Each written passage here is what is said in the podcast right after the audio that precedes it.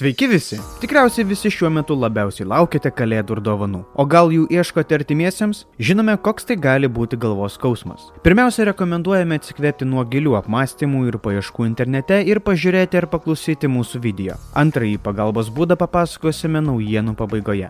O iki tol, juk žinote, kaip mums patinka nauji prenumeratoriai, kontribistai ir laikintojai. Ką daryti, žinote kaip visada patys. O dabar pasiemam kučiukų dubenėlį ir važiuojam.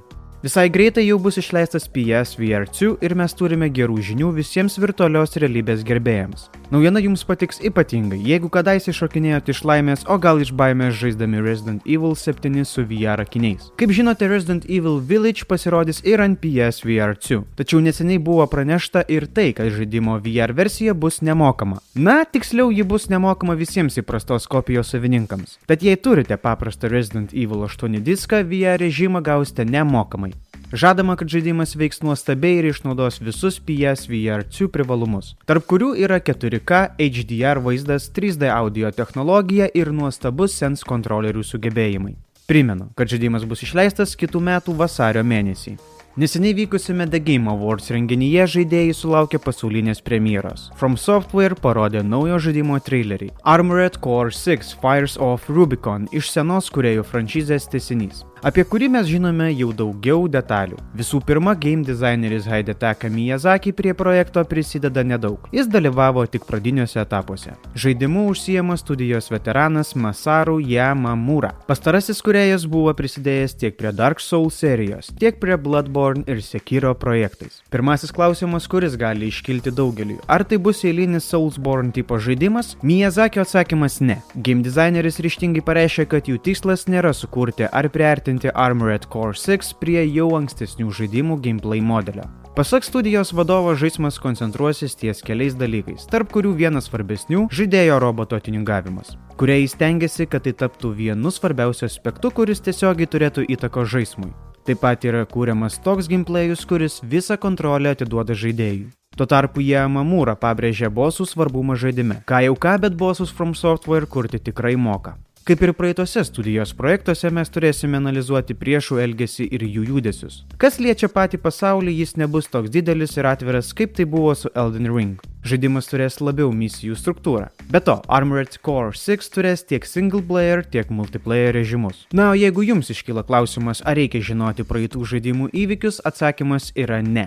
Yamamura teigia, kad single player režimui bus skiriamas didelis dėmesys, tačiau istorijos testinumo iš praeitų dalių laukti neverta. Kol kas tiek žinių iš From Software studijos. Primenu, kad išleidimas yra suplanuotas 2023 metais. Na, o dabar ir vėl pakalbėkime apie gaming industrijos konfliktus. Tačiau šį kartą kalba bus ne apie Sony ir Microsoft, o apie Riot Game ir NetEasy. Žodžiu, long story short. Riot Games padavė kiniečių korporaciją NetEasy į teismą. Reikalas tame, kad kinai išleido mobilųjį telefonų žaidimą pavadinimu Hyperfront, kuris pasak Riot Games teisininko Dano Nebelio yra grinas Valorant klonas. Šio kaltinimo požymių yra pakankamai. Abu žaidimai yra 5 prieš 5 režimo bei turi panašius herojus, žemėlapius ir veikėjų skilsus. Žodžiu, kaip rezultatas, Riot Games dabar pasiruošusi teistis ir ginti savo projekto garbę. Dontnod atskleidė savo sekantį žaidimą pavadinimu Banishers Ghost of New Eden. Tai bus naujas veiksmo RPG. Ko gero žinote, kad Dontnod yra ne itin į veiksmą orientuotas Life is Strange serijos kuriejas. Todėl tai kiek netikėtas žanro pokytis. Banishers Ghost of New Eden istorija yra apie du įsimylėjusius vaiduoklių medžiotojus. Tik problema ta, kad vienas iš jų yra negyvas. Personažas Raitas bando susigražinti savo mylimąją antėją iš vaiduoklių pasaulio. Viso to rezultatas - nuotykis kupinas kovos su kardais ir magijos, taip pat nuoširdžių pasakojimų bei sunkiai sprendimų prieimimais. Pastarieji taip pat atliks savo svarbų vaidmenį. Remiantis ankstyvą informaciją apie šį veiksmo RPG, priklausomai nuo to, kokius sudėtingus sprendimus žaidėjai priima, istorija gali labai stipriai pasikeisti. Pateitame pavyzdyje reikia pasirinkti tarp Wraith vaiduoklių medžioklės įžado ir pagalbos Antėja. Šiuo atžvilgiu atrodo, kad Dontnod naudojasi savo Life is Strange sėkmingą patirtimi. Šis žaidimas planuojamas išleisti PlayStation 5, Xbox Series X ir S ir asmeniniams kompiuteriams 2023 metais. Šie metai Henry Cavill tikrai nebuvo patys geriausi. Metų pradžioje jis pasitraukė iš Geralto vaidmens The Witcher seriale, o praėjusį trečiadienį atskleidė, kad ir Supermeno rolėje jo nebepamatysime. Tačiau jis toli gražu nenutolsta nuo gamingo paremtų serialų vaidybos. Čia ir vėl ateina spėkite kas. Ogi Amazon, kuri ekranizuoja Warhammer 40 tūkstančių seriją. Ši franšizė mus pirmą kartą pasiekė dar 1987 metais. Tai mokslinės fantastikos miniatiūra karo zonoje. Pačiame Henriui šie projektai nėra svetimi. Keleto savo pieštų modelių jis patalpino net Instagram paskyroje. Tai parodo, kad jis ganėtinai įstringas fanas, o tai žada didelį įsitraukimą į serialo kūrimą. Šiuo metu Amazon dar veda dėrybas dėl teisių į turinio kūrimą, bet mes jau labai laukiame ir tikimės, kad didelė tikimybė suspindėti naujame ampluo nuo jo nepabėgs. Amazon leidžia šaknis ne tik į žaidimų kūrimą, tačiau ir jų ekranizavimą. Jie patvirtino, kad pagal God of War yra kūriamas televizijos serialas. Nors apie šią naujieną gandai sklydo gan senai, tačiau po vieno tvito tai pagaliau buvo patvirtinta kaip oficiali informacija. Žinoma, tai dar ne viskas vaizdo žaidimo adaptacijos, ką gausime iš Amazon Studios. Šiuo metu yra ruošiami Fallout bei netgi Mass Effect serialai. Nepamirškime ir HBO jau 2023 sausio 15 dieną pasirodančio The Last of Us. Jau net šis sąrašas rodo, kad turėsime daugybę televizijos ekranams pritaikytų mūsų jau pamėgtų žaidimų serijų ir serialų ir filmų. Žinoma, Nepamirškime, kad jie gali ir visiškai mus nuvilti. Labai šviežias yra Netflix Resident Evil anti-šedevras, parodęs, kaip galima giliai nusiristi žemyn. Grįžkime prie mūsų pamilto karo dievo serialo kūrimo. Prie vairo stos Wheel of Time šou vedėjas Rage Jetchkins ir The Expanse kuriejas Markas Fergusas ir Hokas Odsby. Be abejonės Santa Monica studijaus ranka tikrai turėtų pakreipti scenarijų ir išpildymą reikiamą kryptimi. Pats veiksmas prasidės nuo Kratoso žmonos mirties, kai jis pasileis į pavojingą kelionę su Artreusu.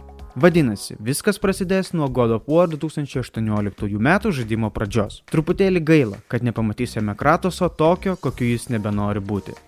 Teikti, kad COVID-19 pandemija paveikė Haidėjo Kojima Dead Stranding 2 siužeto rašymą būtų gal kiek per švelniai pasakyta. Paaiškinsime kodėl.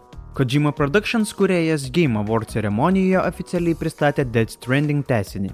Pademonstravęs anonsą, jis dar kurį laiką pasiliko scenoje atsakyti į kai kuriuos renginio vedėjo klausimus. Paklaustas, kaip pandemija paveikė žaidimą, Kojima sakė, istoriją parašiau dar prieš pandemiją, bet kai visa tai prasidėjo, perrašiau viską nuo nulio. Taip pat nenorėjau prognozuoti dar daugiau ateities. Dead Stranding temos apie vienatvę turėjo tam tikrų akivaizdžių paralelių su COVID-19 protrukiu.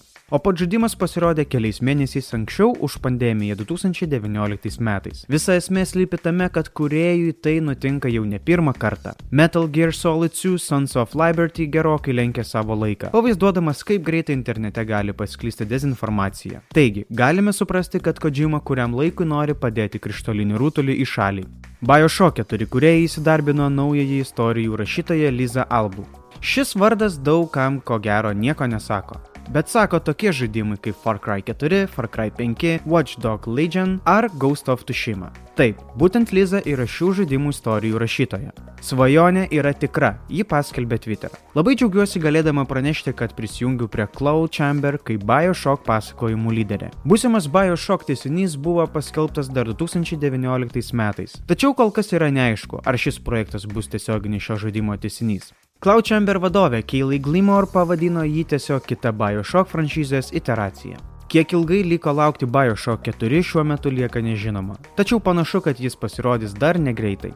Šiais metais mums buvo jau atskleista, kad pagaliau yra kuriama nauja Tomb Raider serijos dalis. Žinoma, tai viskas, kas mums buvo aišku. Neskaitant, kad studija Crystal Dynamic projektui naudos Unreal Engine 5, o po šio fakto tai buvo tikrai tikrai viskas. Na, o dabar atsirado naujų proceso detalių. Paaiškėjo, kad su Laros Croft grįžimu į žaidimą kaip leidėjas dirbs Amazon Games. Seniau šiuo reikalu užsimdavo Square Enix. Apie naujojo leidėjo įsitraukimą į franšizę informavo tiek Amazon, tiek Crystal Dynamic bendrų pranešimų spaudai. Naujasis kūrimo žaidėjas įsipareigoja mums pateikti aukščiausio kalibro ir kokybės nuotikių žanro šedevrą.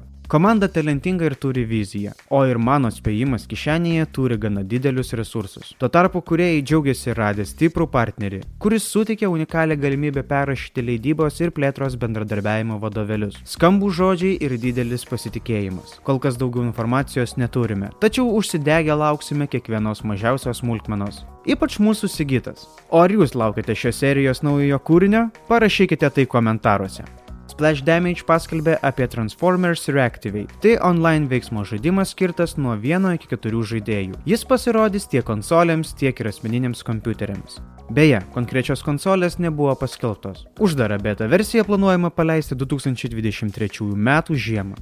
Bendradarbiaujant su Amazon Games, Bandai Namco pristatė visiškai naują atviro pasaulio anime stiliaus MMORPG pavadinimu Blue Protocol.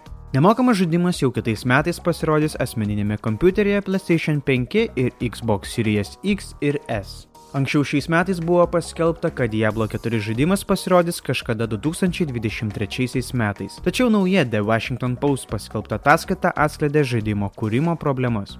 Daugelis kūrimo komandos narių mano, kad žaidimas greičiausiai bus atidėtas dar kuriam laikui. Praėjus penkiems mėnesiams nuo Final Fantasy Pixel Remaster pasirodymo asmeniniuose kompiuteriuose ir mobiliuosiuose renginiuose, panašu, kad netrukus bus pranešta ir apie jų pasirodymą konsolėse. Mūsų naujienų video jau į pabaigą. Ne, ne, ne, nepamiršau jums duoto pažado pradžioje. Jei vis dar ieškote dovanų artimiesiems, o gal save norite palepinti kažkuo gamerišku, rekomenduojame užsukti į mūsų Country B. Ten turime ir podelių, ir maikučių, ir džemperių su žaidimo balso logotipais. Ps, kontribui prenumeratoriams nuolaidos. O ir nuo mūsų jie gauna papildomų verčių, nes kūrėme vis daugiau ir dažniau. Ten mes talpinam viską anksčiau, ta tikrai verta. O dabar, kaip jau įprastai, lauksime laikų, prenumeratų ir komentarų po šio video. O jūs laukite kitų žaidimų balso video. Ate!